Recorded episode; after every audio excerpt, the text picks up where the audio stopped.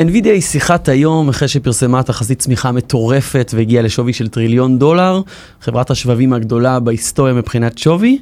ונראה שכל תרחיש שהעולם לקח בשנים האחרונות הועיל ל-NVIDIA. קריאת בלוקצ'יין, מכוניות אוטונומיות, מטאוורס, מעבר לענן, ועכשיו בינה מלאכותית שזו המהפכה האמיתית. אבל אנחנו לא כאן בשביל לדבר על NVIDIA, אלא בימים שבהם אנחנו עדים לכוח ומתחילים להבין את המהפכה של הבינה המלאכותית, אנחנו רוצים גם להבין את המנוע שמאפשר את המהפכה הזו. שבבים בעת הזו הפכו להיות בעלי חשיבות אסטרטגית כמו נפט. דמיינו צבא שיוצא למלחמה ללא כוח חישוב, מיותר uh, לדמיין איך זה יסתיים. היום נדבר על ה ecosystem של ייצור ותכנון השבבים, האם לחברות כמו אמזון, גוגל ומייקרוסופט יימאס לשלם פרמיות גבוהות בעבור שבבים והם יתחילו ייצור עצמי, כמו שאפל עשו? איך משתלבים סטארט-אפים קטנים בעולם של כוח חישוב יקר ובינה מלאכותית? האם בכלל אפשר להקים סטארט-אפ בלי בינה מלאכותית בימינו? לדעתי אי אפשר. יש הרבה על מה לדבר, בואו נתחיל. הייטק בפקקים, מבית Start-Up Nation Central.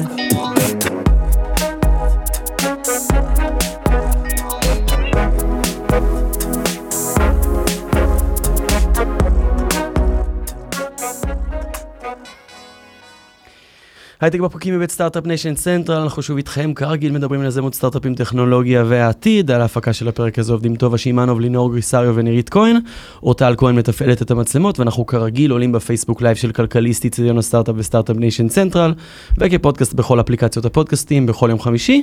מזמינים אתכם לקבוצת הדיונים שלנו, לפני ימי חמישי, להעלות שאלות שמעניינות אתכם לגבי הנושא של התוכנית בכל שבוע. אנחנו נתקיל את המומחים, היום אנחנו היינו מתקילים את ידידנו שחר כהן על שאלות לגבי שבבים ואיך הם הולכים לעשות disruption לשוק העבודה הישראלי וכולי.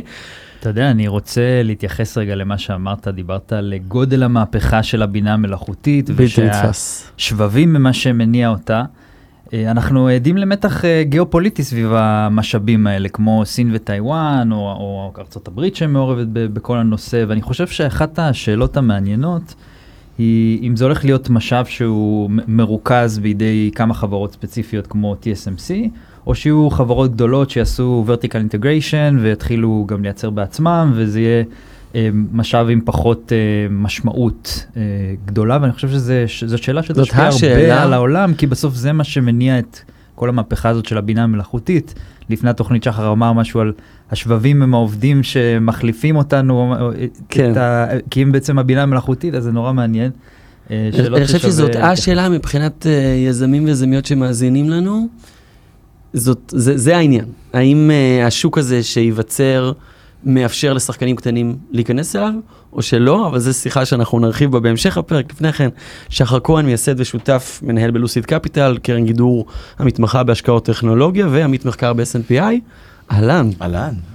אז uh, בוא שנייה רגע, לפני שאנחנו ממש מתחילים להסתבך, uh, בוא נבסס את, ה, את המונחים הבסיסיים. מה ההבדל בין CPU לבין GPU, שזה ה...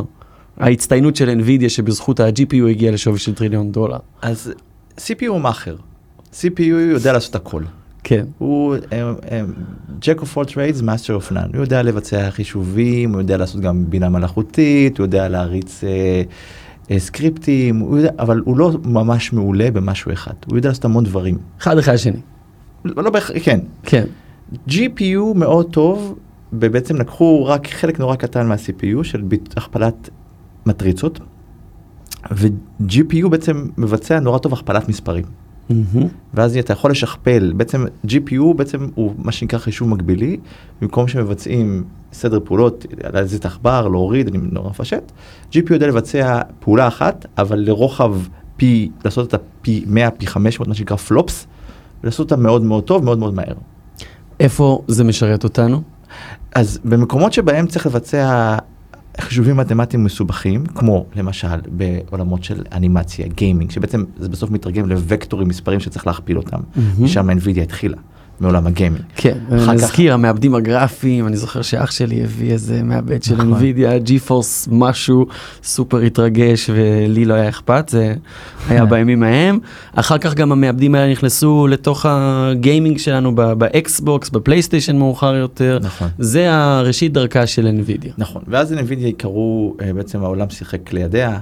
הגיע המטאוורס שעשה את ה hype cycle גרגלו מתרומם, שגם בו יש חישובים גרפיים מסובכים. חישוב גרפים מסובכים, הכוונה, בסופו של דבר מדובר בחישוב מכפלה של מט- מטריצות או וקטורים באלגברה לינארית, למי שחווה את הסיוטים האלה, ובעצם, ה, ובעצם ה, הדבר הזה הוא כמובן GPU, ואז הגיע קריפטו שהוא כולו מבוסס על בעצם, אה, מה זה בלוקצ'יינים, לא אה, חישובים וב- ו- ובעצם הכפלה של מספרים, מספרים שונים כאלה ואחרים. משמע הרבה יותר משתלם לקרוא קריפטו ב- עם, עם אה, מחשב GPU, להשתמש ב-GPU ולא ב-CPU. נכון בהתחלה, אחר כך זה עבר למה שנקרא ASICים, זה בעצם שבבים שהם תפורים אישית לתוך, לקרוא, לתוך קריאת קריפטו, ובינה מלאכותית היא בסופו של דבר סטטיסטיקה, זאת אומרת, אה, הרבה פעמים בינה מלאכותית זה בסוף מודלים סטטיסטיים מורכבים מאוד דומים למה שדרך אגב רוב- רובנו למדנו ב- בתואר, בזה, ו- ו- ובמובן הזה גם שמה, כדי לבצע חישובים סטטיסטיים, גם פה מדובר באין, אפשר לפרק אותם לאינסוף פעולות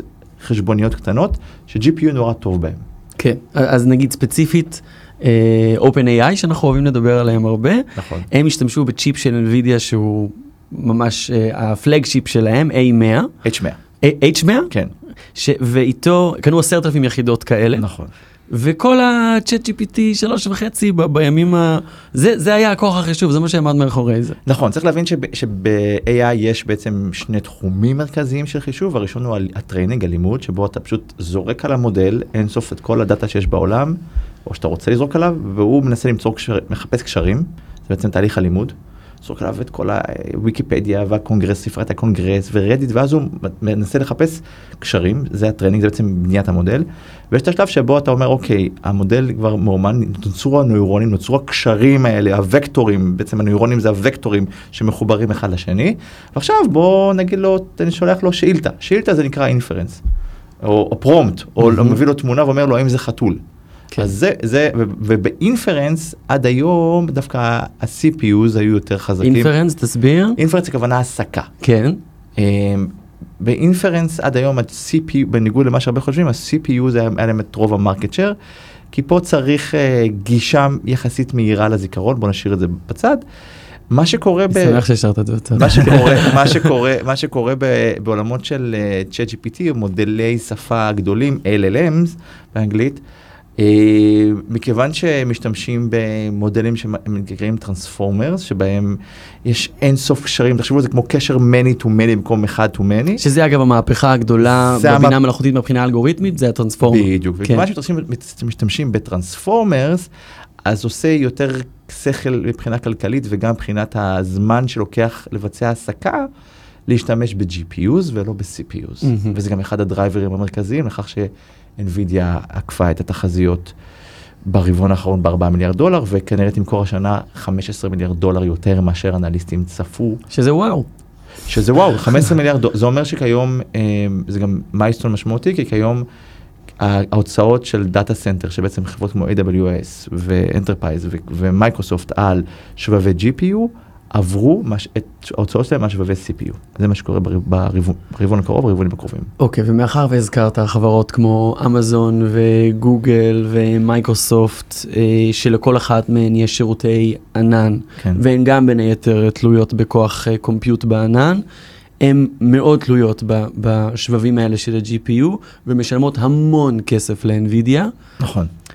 האם, קצת כמו נגיד, שאנחנו רואים בבנקים בימים האחרונים שהרוויחו יותר מדי וברור שהתופעה הזאת איכשהו תסתיים, האם אתה חושב שזה גם משהו ש, שיקרה ל-NVIDIA והם יפתחו שבבים בעצמם? אז צריך להבין היום שאינווידיה מוכרת לאמזון או למייקרוסופט, ל-OpenAI, שבב ב-10 דולר שעולה 3 דולר לייצר. הגרוס, זאת אומרת, בשפה המקצועית זה אומר. רווח, רווח גולמי של 70 אחוז. אין ספק בעולם, אין מישהו בעולם שבא ל, עולה, בא ל, לאמזון או מייקרוסופט, ואומר, אה, תקשיבו, זה לי 3 דולר, אני מוכר לך ב-10 דולר. זה, כן, הם, הם מרגישים שכמו גברת כהן מחדרה נגזלת בידי גזלנים. כן. מצד שני, ואז הם כמובן מנסים אה, אה, לפתח בעצמם, כמו שאפל עשתה, היא החליפה את אה, אינטל במקים, ו-AWS עושה את זה מאוד טוב ל-CPUs של מהמם. אינטל. אה, AWS, נגיד פתחה שבב, כן. נכון? הוא פותח? בישראל דרך אגב, כן. בסטארט-אפ שנקרא ב-2014 שנקרא נפונלאמפ, השבב נקרא גרביטון. והוא כבר, הוא כמעט היום 15 אחוז מכוח החישוב של AWS, זאת אומרת שאתה, וואלה. 15 אחוז מהלקוחות של AWS, או מה... הכוח חישוב שלקוחות מפעילים, הוא יושב על גרביטון. כן. הם כמובן מנסים לעשות אותו דבר לאנווידיה. בינתיים לא ממש בהצלחה, בעיקר בגלל שיש שני, שני כיוונים. הראשון, אנווידיה היא רצה מאוד מהר והיא גם, היא fabless, זאת אומרת, היא, היא לא נתקלה באותם קשיים שאינטל נתקלה בייצור. נסביר רגע, fab זה המקום שבו מייצרים את השבבים, נכון. fabless זה חברות שרק מתכננות את השבבים ולא מייצרות אותם. נכון. fabless. בדיוק, אז לאנווידיה אין fab, היא עובדת עם TSMC בטיוואן, ובעצם כל השבבים מיוצרים על כמעט כולם ב-TSMC. שזה הזיה אגב. כן. כי חברה אמריקאית של טריליון דולר. תלויה בטיוואן, כן. בחברה טיוואנית. כן. כן, זה, כל הבינה המלאכותית בעולם כיום תלויה ב-TSMC. תלויה במפעל בטיוואן שנמצא מרחק של אה, טילי קטיושה, קצת מקצין, מסין, וסין מצהירה שהדבר הזה בכלל אין לו זכות קיום, כן. ואם תעז לשים טיוואן באתר שלך, נגיד מריוט שמה במדינות טיוואן, באותו רגע היה חרם סיני על כל המלונות של מריות, והם ביטלו את זה תוך שנייה. וואו. אז רק, אוקיי, זה כבר דיברנו הרבה אגב בפרקים עם אה, יובל ויינרב אה, על סין, אה, על, על TSMC, זה מין מטורף אבל. מפעל פשוט מטורף. שמחזיק כל העולם אה, מדינה. נשען על כן, הסיפור הזה. קצת כמו אה, של, אה, ל- שנשק גרעיני הרבה פעמים מונע מלחמות, אז במצב הזה גם היחסי כוחות האלה, אה, הסינים יודעים שאם יתקפו זה יהיה מבחינת ארה"ב סוף העולם והם יעשו כל מה שהם יכולים בשביל להגן על זה, אז זה היה בפני עצמה. אה, אבל דיבר, אנחנו מדברים על שרשרת הערך, אה, ועל זה אגב שמבחינת שרשרת אספקה זה מדהים כמה שיש תלות למדינה אחת. לחברה חברה במדינה אחת, במדינה כל כך לא יציבה. איזה עוד חברות יש בשרשרת הערך מעבר לפאב, לייצור של השבבים, ש-TSMC עושים אגב כל כך טוב? כן, אז רק מילה אחת לסגור, הבינה המלאכות- המלאכותית מאפשרת, היום היא בעצם הכלי נשק של העולם הבא, כן. המלחמה הבאה.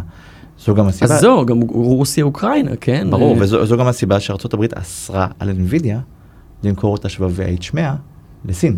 כן. אז NVIDIA עשתה איזשהו מעקב ומכרה להם, גם, לא את ראיתי ה-H100 אפילו את משהו- ה-A100, A100 שדור אחד נמוך יותר, היא אסרה עליהם למכור. ראיתי שאינווידיה לא אוהבים את זה ואמרו שסין מתחילה לפתח בעצמה שבבים כאלה נכון, אז אז ברור ש-NVIDIA תגיד שסין לא אוהבים כן. את זה, אבל... אה, ושיש פה משהו מסוכן הברית יותר אם אתם אה, כן. אבל בסופו של דבר, מהדעות שלו. אז שבבי בינה מלאכותית הם ה-F-15 וה-F-16 וה-F-22 של המלחמה הבאה. שלא אז- להגיד אז F-35. F-35, זה- סליחה, כן. זה F-35. כן. אז אתה יודע, לגיטימי שהם- שארצות הברית אומרת, אני לא אמכור חמקנים, כן. ואם סין רוצה לפתח חמקנים בעצמה, שיפתחו, אנחנו מקווים שיהיו פחות טובים מהחמקנים שלנו. כן. רק ככה כוכבית ולסגור את העניין הזה עם סין. סין האסטרטגיה שלה בשבבים בגלל שהיא הבינה שמבחינת ייצור היא כבר כמה שנים מאחורה, וסביר שהיא לא תסגור את הפער הזה. אז ההתמקדות שלה, ממה שהבנתי, זה אמ, scale. לייצר את כל השבבים היותר, הפחות חכמים ומדויקים, ש... ש-TSMC יודעת לעשות הכי טוב בעולם, השבבים של השלושה ננומטר. יש כבר שבבים של אחד ננומטר אגב? לא, הש- השלושה נכנסים ייצור עכשיו ממש. כן, השלושה.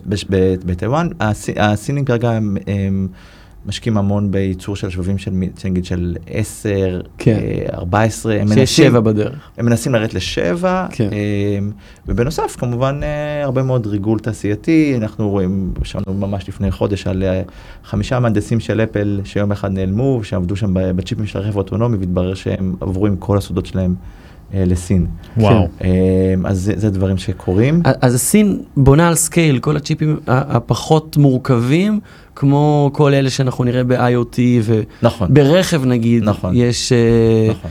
צ'יפ מרכזי, אבל יש המון חיישנים קטנים שאפשר לייצר אותם, וזה זה ההתמקדות אני הסינית. רוצה אבל רגע, אני, אני פחות מבין מכם בעולם הזה, דווקא אני בא עם איזושהי זווית.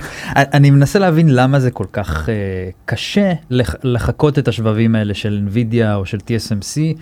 מה, מה הופך את זה להיות משהו, אתה יודע, בסוף uh, מספיק לקחת איזה מהנדס, שילמת לו מיליארד דולר, לקחת את כל הסודות וזהו נגמר, למה זה כל כך קשה? שאלה מעולה. אז, יש, אז זה חוזר לשאלה, יש לנו בעצם חסם אחד מרכזי, נגיד אפילו ל-AWS להחליף את NVIDIA לבנות שבב שמתחרה ב-NVIDIA. אמזון הגדולה לא יכולה להעתיק חברה בטיוואן? נו באמת. לא, הבעיה שלהם זה לא, הם, הבעיה שלהם זה לא הטיוואן, הם, הם השתמשו דרך אגב ב-TSMC, באותו פרוסס ב-4 ננומטר כדי לייצר. הבעיה שלהם זה, לפני הטיוואן, הבעיה שלהם זה התכנון של השבב. גם פה מתקשים מאוד, משני סיבות. אחד, ה- זה, תחשבו על עוגה בטמפ, בטמפרטורה מאוד גבוהה שצריך להכין, באותו מתכון, שצריך, וכל פעם הוא צריך אותי בדיוק עם אותו מרקם. זה ממש אומנות. אז מהמם. זה, זה, זה תהליך ייצור השבבים שהוא מאוד מסובך. מעבר לזה, ל-NVIDIA יש יתרון אחד גדול משמעותי, שזה בעצם החיבור בין התוכנה לבין החומרה. הרבה אנשים לא מבינים ש-NVIDIA היא גם בראש ובראשון, לא בראש, אבל היא חברת תוכנה מעולה. איפה התוכנה של NVIDIA? התוכנה, ברגע שכל מהנדס או data scientist ומאזינים שלנו שהם כאלה, מכירים את זה מאוד טוב, הם בעצם בונים את המודל ואז הם מעבירים אותו דרך אה, ספריות תוכנה של NVIDIA שנקראות CUDA Mm. או TensorRT. והספריות האלה בעצם לוקחות את המודל שאותו אה, מהנדס data scientist בנה ומבצעות לו אופטימיזציה שירוץ על בסוף הסיליקון שרץ למטה. מעין ב- לקחת את הסבות המורכבות יותר ולהעביר אותם לשפת מכונה, ששם יש יתרון. להעביר אותם לשפת מכונה ולהעביר אותם ל- ל- לשפה שהצ'יפים יכולים לעבוד איתם הרבה יותר מהר והרבה פחות חשמל. בסוף כן. צריך להבין כל GPU או סרבר של GPU זה תנור של 4,000 ואט. זה, זה בוא נגיד כמו מזגן גדול ש, שרץ. מהמם. אז הצריכת חשמל והעלות של הדברים האלה היא מאוד יקרה ולכן אז ה CUDA מאפשרת מודלים גם מאוד נוחות למפתחים שרגילים לעבוד עם זה, יודעים, הם לא צריכים להתעסק באופטימיזציה של המודל ל hardware, אז CUDA מטפלת להם. שזה חתיכת למי יש כוח. למי יש כוח. גם למי, לא הרבה מתכנתים יודעים לעשות את זה, לעבוד בדיוק. בשפות כל כך בסיסיות. מאוד מאוד. ולכן, אז השילוב גם של יכולת execution מאוד טובה בשבבים, כי NVIDIA היא חברת שבבים מעולה בתכנון, גם העובדה שהם כל הזמן נמצאים TSMC, במה שנקרא בנודים המתקדמים ב-4 ננומטר, ובעיקר ה stack התוכנתי בספריות של קומפיילרים, או, או ספריות שמאפשרות לעשות אופטימיזציה לחישוב, ואז יוצא חסם משמעותי.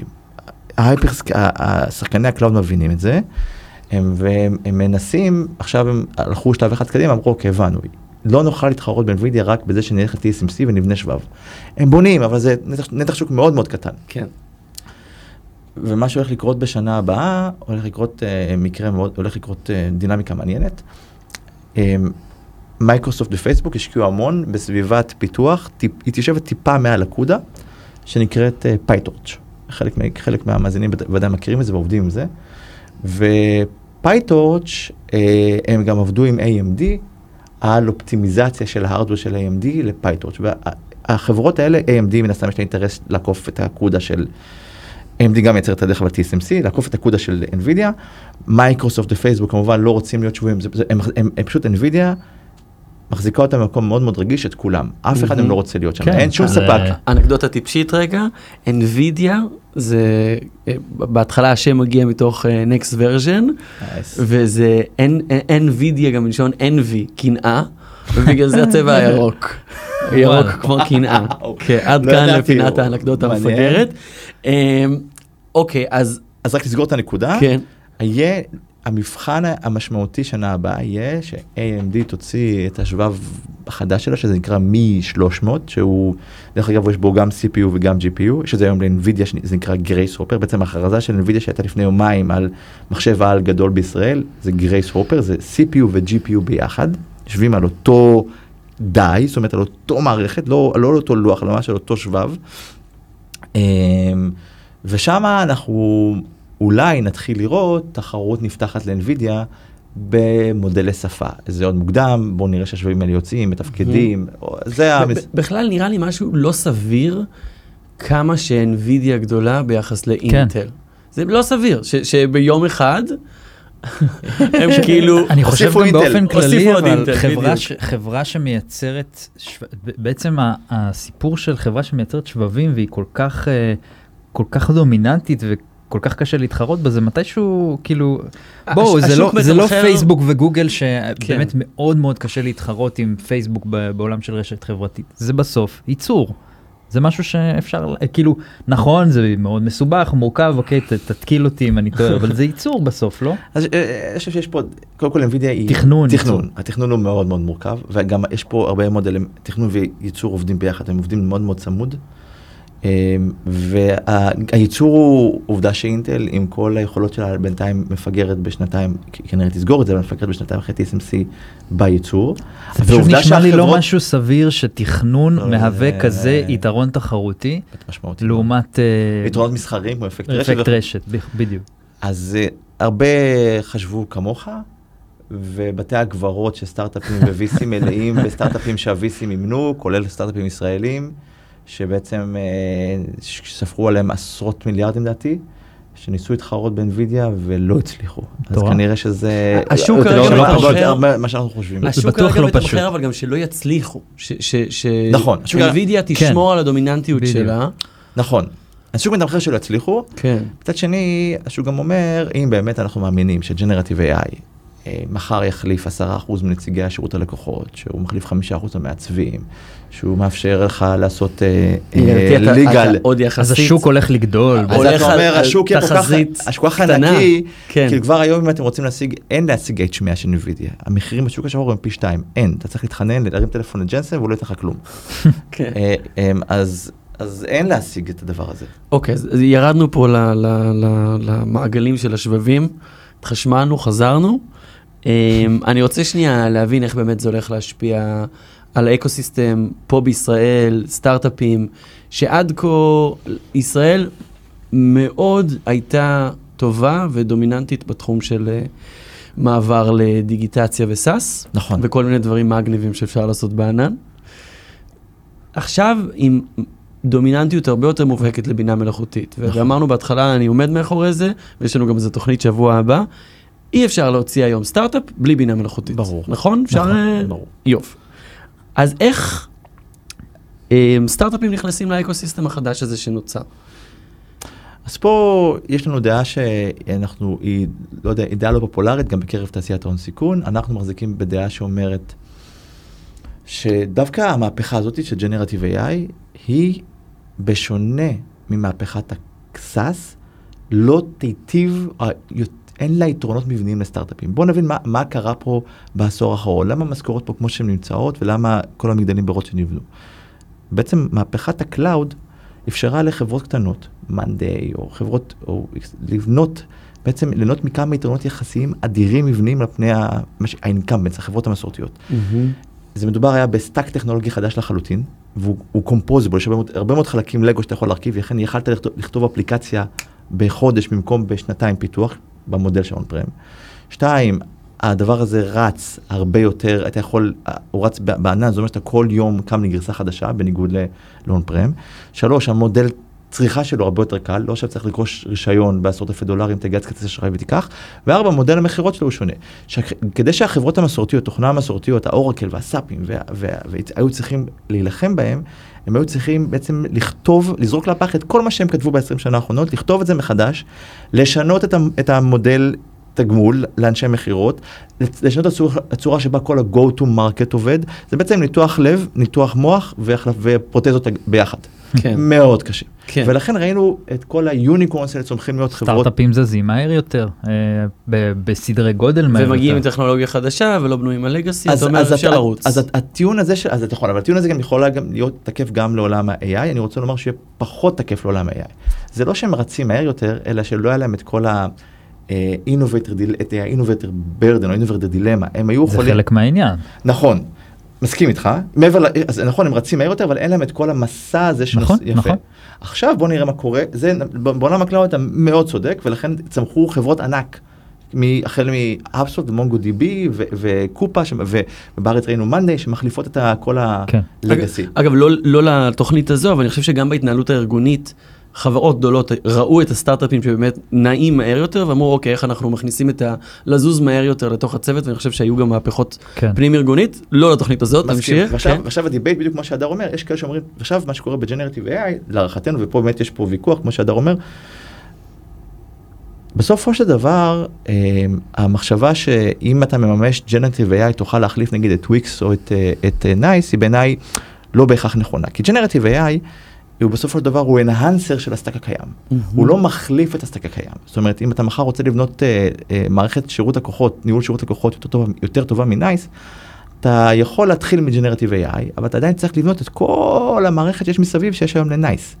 וני... ועכשיו לעומת זאת, אבל תראה נגיד סטארט-אפ כמו גונג, סתם הזכרת שירות לקוחות. נכון, ש, שמאוד עובד על אה, בינה מלאכותית, וזה מוצר שהוא כולו בינה מלאכותית ו, ו, ויכול מאוד לה, להגדיל מכירות, והנה דווקא סטארט-אפ שכן מאפשר אותו. נכון, אז, אז ב-use case, Gong היא דוגמה טובה לחברה שכאילו התחלת הערך הייחודי שלה היה מעולם של בינה מלאכותית, טרנסקריפשן ו... נ- נגיד למי שלא מכיר, גונג חברה שבגדול אה, מאזינה לתהליכי המכירה ועושה להם אופטימיזציה, מייעצת ל- לאנשים שהם... היום עם עוד הרבה מוצרים. אבל כן, האקוסיסטם שלהם הפך להיות, אבל זה כן. הבסיס. חברה כן. מדהימה. נכון, כן. אז, אז עכשיו אה, אני מסכים איתך שזה כאילו הטיעון הנגדי.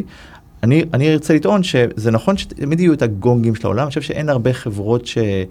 אה, כמו גונג שצמחו בעצם מתוך הבינה המלאכותית להיות, הפכו להיות full stack, וזה מה שהיום גונג עושה, הופך להיות ממש חברה שמתחרה ב Zoom, ו- ב, יותר ב ZoomInfo, ב ZoomInfo, כן, נכון. ואולי בעתיד ב Salesforce, הם עוד לא החליטו, אבל ה- ה- ה- היתרון, בואו לא נזכור, בואו לא נשכח שבסוף Machine Learning, it's about the learning, more about the machine. זה על הדאטה שיש לך, ופה יש יתרון לחברות ה...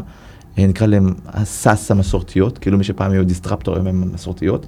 חברות כמו NICE, או חברות כמו HubSpot, או חברות כמו Salesforce, הן רק צריכות לממש את ה-API של, לא משנה, ChatGPT או AI21, הם בעצם יבנו עכשיו, וזה מה שהם עושות, הם, הנושאות שהם עושים זה זאת, הם שינו roadmap י מוצרים, ועכשיו הם עושים אינטגרציה ל-OpenAI, או כן. ל-whatever. אתה אומר, משיקים- זה ואז הם- יחזק את הקיימים. בדיוק, ואז הם משיקים את הפיצ'רים האלה, ועכשיו בואו, נ- אז קודם כל הם כרגע, הם לא, זה לא שהם שם צריכים לכתוב מחדש את כל ה stack, לזרוק לא, את כל... זה לא המהפכה כמו שהייתה עם אה, SaaS, ש- שחברות כמו HubSpot קמו והחליפו את ה incumbents. בדיוק, אלא אתה יודע, זה, זה עכשיו פיצ'ר יפה, וחברות שאנחנו תמיד אומרים, אמרה, נראה לי המנכ"לית של HubSpot, או היזם, שזה לא ש-AI יחליף עובדים, אלא עובדים שיודעים להשתמש ב-AI, כן, יחליפו עובדים שלא יודעים. אותו דבר חברות, נדבר על זה שבוע הבא. חברות, חברות שיודעות, ששינו roadmap מוצרי, ועשו אינטג, עשו- עושות אינטגרציה ל-LLMs או ל- ChatGPT או דומיו, ינצחו.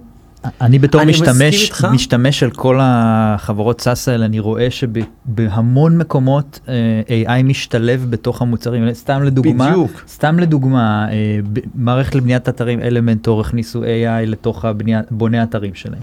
אה, מייקרוסופט הכניסו עכשיו אה. לקלריטי, משהו מטורף דרך אגב, מנתח את ההקלטות במוצר שלך ונותן לך כבר סיכומים של ההקלטות. כן, דברים שהם, אה, אז, אז כל מיני דברים כאלה שנכנסים בתוך המוצרים שאתה כבר עובד איתם, הופכים את החוויה ליותר קלה, בדיוק, פשוטה בדיוק. וכולי. קשה מאוד להכניס. ואם כבר יצרת כאילו חפיר שיווקי ואנשים כבר משתמשים אני במוצר שלך. משתמש, אני משלם על זה, אני לא. צריך להחליף. באיזשהו מקום אתה אומר, בגלל שהתהליך הטכנולוגי הוא דווקא קצר יותר, ויותר פשוט להכניע- להכניס כבר את המנועים הקיימים ולשפר תהליכים? אז אין יתרון. היתרון היחיד שנשאר להם זה באמת אנחנו רצים מהר יותר, אבל אין להם יתרון מבני בזה ש... אין להם יתרון מבני כי בסוף, מה היתרון שלהם? שהם מימשו אה, API של, אה, של, של OpenAI. זה כן. גם NICE, גם וויקס ממש את זה. גם כן. כאילו, אז מה, איפה פה היתרון? נכון. היתרון היחיד שנשאר לך הוא באמת לרוץ מהר יותר. אני לא בטוח שיש פה בדיוק. אפשר את האבל? כן. הנה האבל מגיע. זה...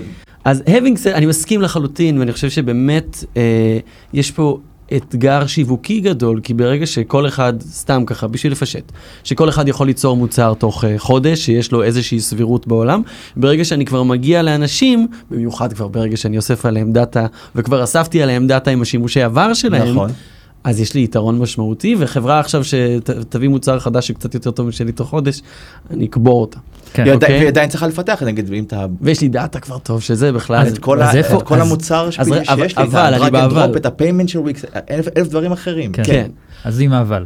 אבל כן. אני חושב שגם אה, כן בגלל שההרגלים שלנו, בעצם יש פה מהפכה, נכון? אנחנו ממש ברמה שאם אני אקח את המהפכה הקודמת בחיים האישיים שלנו, הגדולה, כסמארטפונים, נכון. שלפניה היה האינטרנט, נכון. אנחנו אשכרה הולכים לשנות את ההרגלים של איך שאנחנו עושים דברים עכשיו. אני אגיד לך יותר מזה, זה בשידר, בסדרי גודל גם המהפכה הזאת. כן. מה שעשית לפני חודש זה כבר לא מה שאתה עושה היום, וזה זה לא אגב אותם כל מה שאנחנו קצבים. מדברים עליו בתוכניות בשבועות כן, האחרונים. זה לא אותם קצבים. זה בכלל לא אנחנו, זה- מפחיד זה לבנות מודל סטארט-אפ. בעולם הזה. זה- מפחיד לבנות סטארט-אפ, כי נכון, עוד נכון. חודש יכול להשתנות כל הסיפור. עכשיו, בגלל שאנחנו כל כך משנים את ההרגלים שלנו, אני חושב שיש פה גם הזדמנות למוצרים חדשים שפשוט לא היו מוצרי AI. אבל השאלה היא איפה. ההזדמנות, אני, זה, זה מה שמעניין, איפה ההזדמנות? כי אז- בסוף יכול להיות שמוצר, אתה יודע, שיכול להשתלב יפה בתור, בתוך וויקס אז או כדוגמה, אלמנטור. היה פה איתי דרסלר ודה ג'יסט, אבל גם שם סלק אה, הכניסו אה, שזה נכון. אה, AI בתוך אז Slack. רק נזכיר מה הם עושים. אה, הם הכניסו AI בתוך Slack, כן, ככה אז שמסכם לו שיחות. ומוביל מסקנות וכל מיני דברים כאלה. אז, אז אני, אני חושב שזה זה המקום שאנחנו כן נראה סטארט-אפים שמפתחים כלים, נגיד אם מחר הסטארט-אפ יפתח כלי מאוד טוב לשירות לקוחות, אז יכול להיות שנייס תקנו אותו בכמה מאות מיליון דולרים, אבל הסיכוי שנראה סטארט-אפ שמחליף את נייס, או מחליף את וויקס, Mm. אבל. יש פה עדיין שינוי עכשיו, הרגלים. יכול להיות שאלמנטור תחליף את וויקס, אבל זה לא בגלל generative AI, אלא בגלל... לא, כי אלמנטור כבר בנו חברה. נהדרת שעושה משהו אבל אחר. בגלל קצת. שאנחנו עושים דברים אחרת, אנחנו נשתמש בכלים אחרים. הרבה פעמים, נגיד ג'ספר זה ה unicorn הראשון שהוא, ש generative AI שממש עושה פיצ'ר. כן, הם הצליחו לתפוס את זה קצת אז- לפני הזמן. כן, הם עושים יצירת תוכן, ואז הרבה יותר הגיוני אם אני יוצר תוכן ללכת לג'ספר, שזה ההתמקצעות שלהם. נכון. אה, והיו אצלנו גם ספיריט, שהם עושים no code ומאפשרים לך לפתח מוצר סטארט-אפ מאוד מאוד מהר, גם בעזרת בינה מלאכותית. יש פה, בגלל שאנחנו בשנים רגילים, יש פה גם הזדמנויות. כן, השאלה היא איפה, ו- ואני חושב שיש פה כל מיני, אתה יודע, כל אחד יכול לתת את התיאוריות שלו, אנחנו אוהבים לתת תיאוריות על העתיד ולבדוק אותן. כן. מעניין אותי, מעניין לדעתי להסתכל היום, הרבה יותר קל לבנות מוצרים, ויכולים להיבנות גם בזמן אמת, זאת אומרת, תוך כדי שאתה עובד, ה-Generative AI מאפשר, ויכול להיות שיש פה הזדמנויות בנישות דווקא. כי, למה? כי פעם, אתה יודע, בוא ניקח קצת אחורה, היה ERP, היה CRM, זה היה דברים שהם יותר, היום אתה יכול ללכת עמוק. אתה יכול ללכת עמוק ולאפשר מוצרים שנותנים הרבה יותר ערך לתעשיות מאוד מסוימות. ופה לדעתי יש הרבה ערך שאתה יכול לאפשר אותו. מדיקל, כדוגמה. דיברנו עם סט- שני כן. סטארט-אפים שגם יגיעו להתארח אצלנו. בעולמות של, של, אה, יש הרבה עולמות שאנחנו אולי פחות אה, דיברנו עליהם עכשיו, אבל שהם עובדים עוד אה, הרבה הרבה לפני, הם עובדים עוד עם אקסלים ועם, אה, אולי עם פקסים אפילו. ובעולמות האלה יש הרבה הזדמנות. אני חושב, ש. אני חושב שככל שתצליח להיות יותר נישתי, אז יש פה הרבה דברים אה, מעניינים לסטארט-אפים להיכנס אליהם. אולי יפתח לאנשים. אה, אנחנו גם מדברים על, על generative, אבל גם אה, למידת מכונה בתחום של computer vision. אני חושב שזו מהפכה שבניגוד ל generative שאנחנו מרגישים כבר ורואים, וזה נורא ויראלי ברשתות החברתיות, זו מהפכה מטורפת שכבר משנה ותשנה ואנחנו עוד פחות מבינים אותה, וגם שם יש המון הזדמנויות. ש- שוב, אני חושב שדווקא ב deep tech, שילוב של בינה מלאכותית, יש, יש שם הזדמנויות. אני כן, אבל תוך כדי שאני אומר את זה, אני חושב, חברה שתרוץ עכשיו על מנוע של בינה מלאכותי קיים, ותפתח אותו כמה שנים, ותיקח נתח שוק משמעותי, כאילו, קצת קשה לי לראות את המאנדיי או את הוויקס הבאות גדלות. אה, בעולם מעניין, של... אני אה, חושב אבל שההזדמנויות לא- לא יהיו חסרות, יש הרבה כן. בעיות בעולם ואני חושב ש... אני יכול לתת לך כמה דוגמאות, נגיד שחברות כבר, אה, נקרא להן מסורתיות, כבר עושות את האינטגרציה, מי שראה את אה, ה Midjourney, Midjourney בעצם זה של- כן. Adobe, שנקרא כן. Firefly, כן, הוא פוער לסטות, כן. נכון. אז למי ש- שלא מכיר, אה, מא- מאפשר לערוך תמונות בפוטושופ באופן, אה, באמצעות ב prompt. טקסט. כן, כן. אתה אומר לו, "ת- בדיוק, עכשיו אני יכול להשתמש בפוטושופ. כמו ד- DALL-E, רק שעובד על המחשב, יש. יכולות הרבה יותר גבוהות. אז- אז אז הנה דוגמה לכך שעכשיו אתה יכול להגיד, יש לי סטארט-אפ מדהים, אנחנו נעשה פרומפטים בעזרת Midjourney, בום. הנה. הם Adobe סגרו את זה. אה. טוב לאנווידיה, אגב. בדיוק, כן. אותו דבר. אני אה, דרך אגב זה משהו של המחשב. שהליבור היום סטארט-אפ שמקים אה, משהו בעולם של generative יכול כאילו תוך שנייה להיעלם בגלל שאיזה חברה גדולה מכניסה את הדבר הזה. בדיוק, נכון. והיא גם לא, גם לא כביכול מה שצריכה אותו, היא אומרת הנה, API ל-OpenAI, אז או המלחמה- ל Midjourney. המלחמה כן. זה על דאטה, אתם חושבים? כי הנה, למה, למה פוטושופ הצליחו לעשות אינטגרציה, Adobe הצליחו לעשות אינטגרציה כזאת המלחמה היא על? הלקוח בעיניי, אני חושב שאתה יודע, בסוף Adobe אחד הדברים הכי חשובים שיש לה brand ויש לה לקוחות, ואז היא יכולה פשוט להכניס את ה... בסוף זה הסיפור. ודאטה. ודאטה. דאטה, של, נכון. של, נכון, אתה- מה נכון, עושים, איך לקוחות- עושים. בשירות לקוחות למשל זה קלאסי, אם יש לך טרנסקריפטים של אין סוף שיחות, אז אתה יכול להכניס את, ה, את הדבר הזה לתוך המודל בעזרת איזשהו, איזשהו מנוע חיפוש וקטורי, לא משנה, ובעצם אתה יכול אמ, ליצור תשובות הרבה יותר טובות מאשר סטארט-אפ שאין לו דאטה בכלל. נכון, אין ספק. השאלה היא, השאלה היא מה הדבר הכי מרכזי, ובעיניי דאטה בסוף, יש לנו הרי אה, גישה, היום הכל open source למודלים האלה, וזה שיש לך גישה ל, אה, למנועים האלה שיש להם הרבה דאטה בפנים, כבר מאפשר לך איזשהו יתרון. ברור שאם יש לך דאטה מאוד נישתי, מאוד ספציפי, נותן לך הרבה מאוד ערך, אבל אני חושב שבסוף, זאת הדעה שלי, בסוף הלקוח זה הכוח הכי מרכזי, ואז השאלה היא איך אתה מייצר לו, מייצר איזשהו משהו שמצליח לתפוס הרבה לקוחות ב- בצורה מהירה. מסמנים לו שאנחנו צריכים לסיים, אז בואו נעשה את זה. אני רק רוצה שאלה לסיום. כן? מפחיד אותך כל הדבר הזה? בוודאי. בעיניי האיום הכי גדול הוא לא שזה יחליף עובדים, גם דיברו על זה שנים, מתי אנחנו רואים, טכנולוגיה תחליף עובדים, מתי רואים אבטלה בשפל בכל העולם. כן. האיום הכי גדול על דמוקרטיה. אני בדיוק מה שחושב. היכולת לייצר היום fake news. fake news ברמות של מופלא. מופלא, יותר טוב מ- סרטון- מ-real. אני יכול לייצר לך סרטון שמחר אורי, והדר עשו אה, אה, רצח ביחד בזה ועוד מודים בזה בשיחה בשיחה ביניהם בקול שלהם.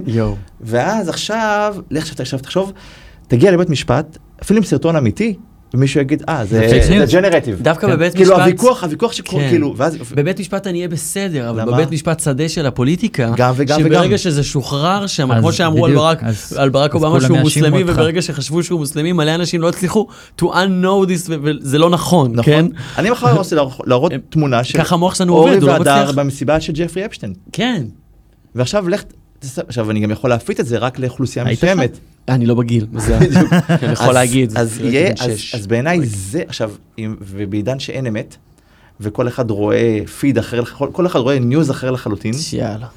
הדבר הזה הוא בעצם הסכנה הכי גדולה בעיניי, הסכנה לדמוקרטיות העולמיות בעשור הקרוב. יופי, אני שמח שהשארנו אתכם מפוחדים. שחר כהן מייסד אה, שותף מנהל ב Lucid Capital, קרן גידור מתמחה בהשקעות טכנולוגיה ועמית מחקר פה ב-SNPI, מכון המחקר של SNC. תודה לכם שהאזנתם לנו, מקווה שלא רק הפחדנו אתכם אלא גם נתנו לכם תקווה ומחשבה של איך אתם עכשיו משתלבים במהפכה הזאת ועושים ממנה תועלת ומייעלים והולכים יותר לנוח בים ולראות את השקיעה. תודה לכלכליסט ול Start-Up Nation Central על שיתוף הפעולה, אנחנו מזמינים אתכם לקבוצת הפייסבוק שלנו שנקראת הייטק בפקקים, להצטרף לדיונים לפני התוכניות ולשאול אותנו את השאלות שמעניינות אתכם שיעלו לשידור. תודה לנירית כהן, לינור גריסריוב, טובה שימאנוב, אורטל כהן שמתפעלת על המצלמות, הדר חי פה איתי. ואורי טולדנו פה איתי. פה איתך. אתם מוזמנים, אה, אם אהבתם, הגעתם עד פה, אז תעשו לנו חמישה כוכבים בכל אפליקציות פודקאסטים שבו אתם תעברו אפליקציה. אפליקציה ותעשו את זה. הכל, לא. נתראה חמישי הבא. יאללה. ביי ביי.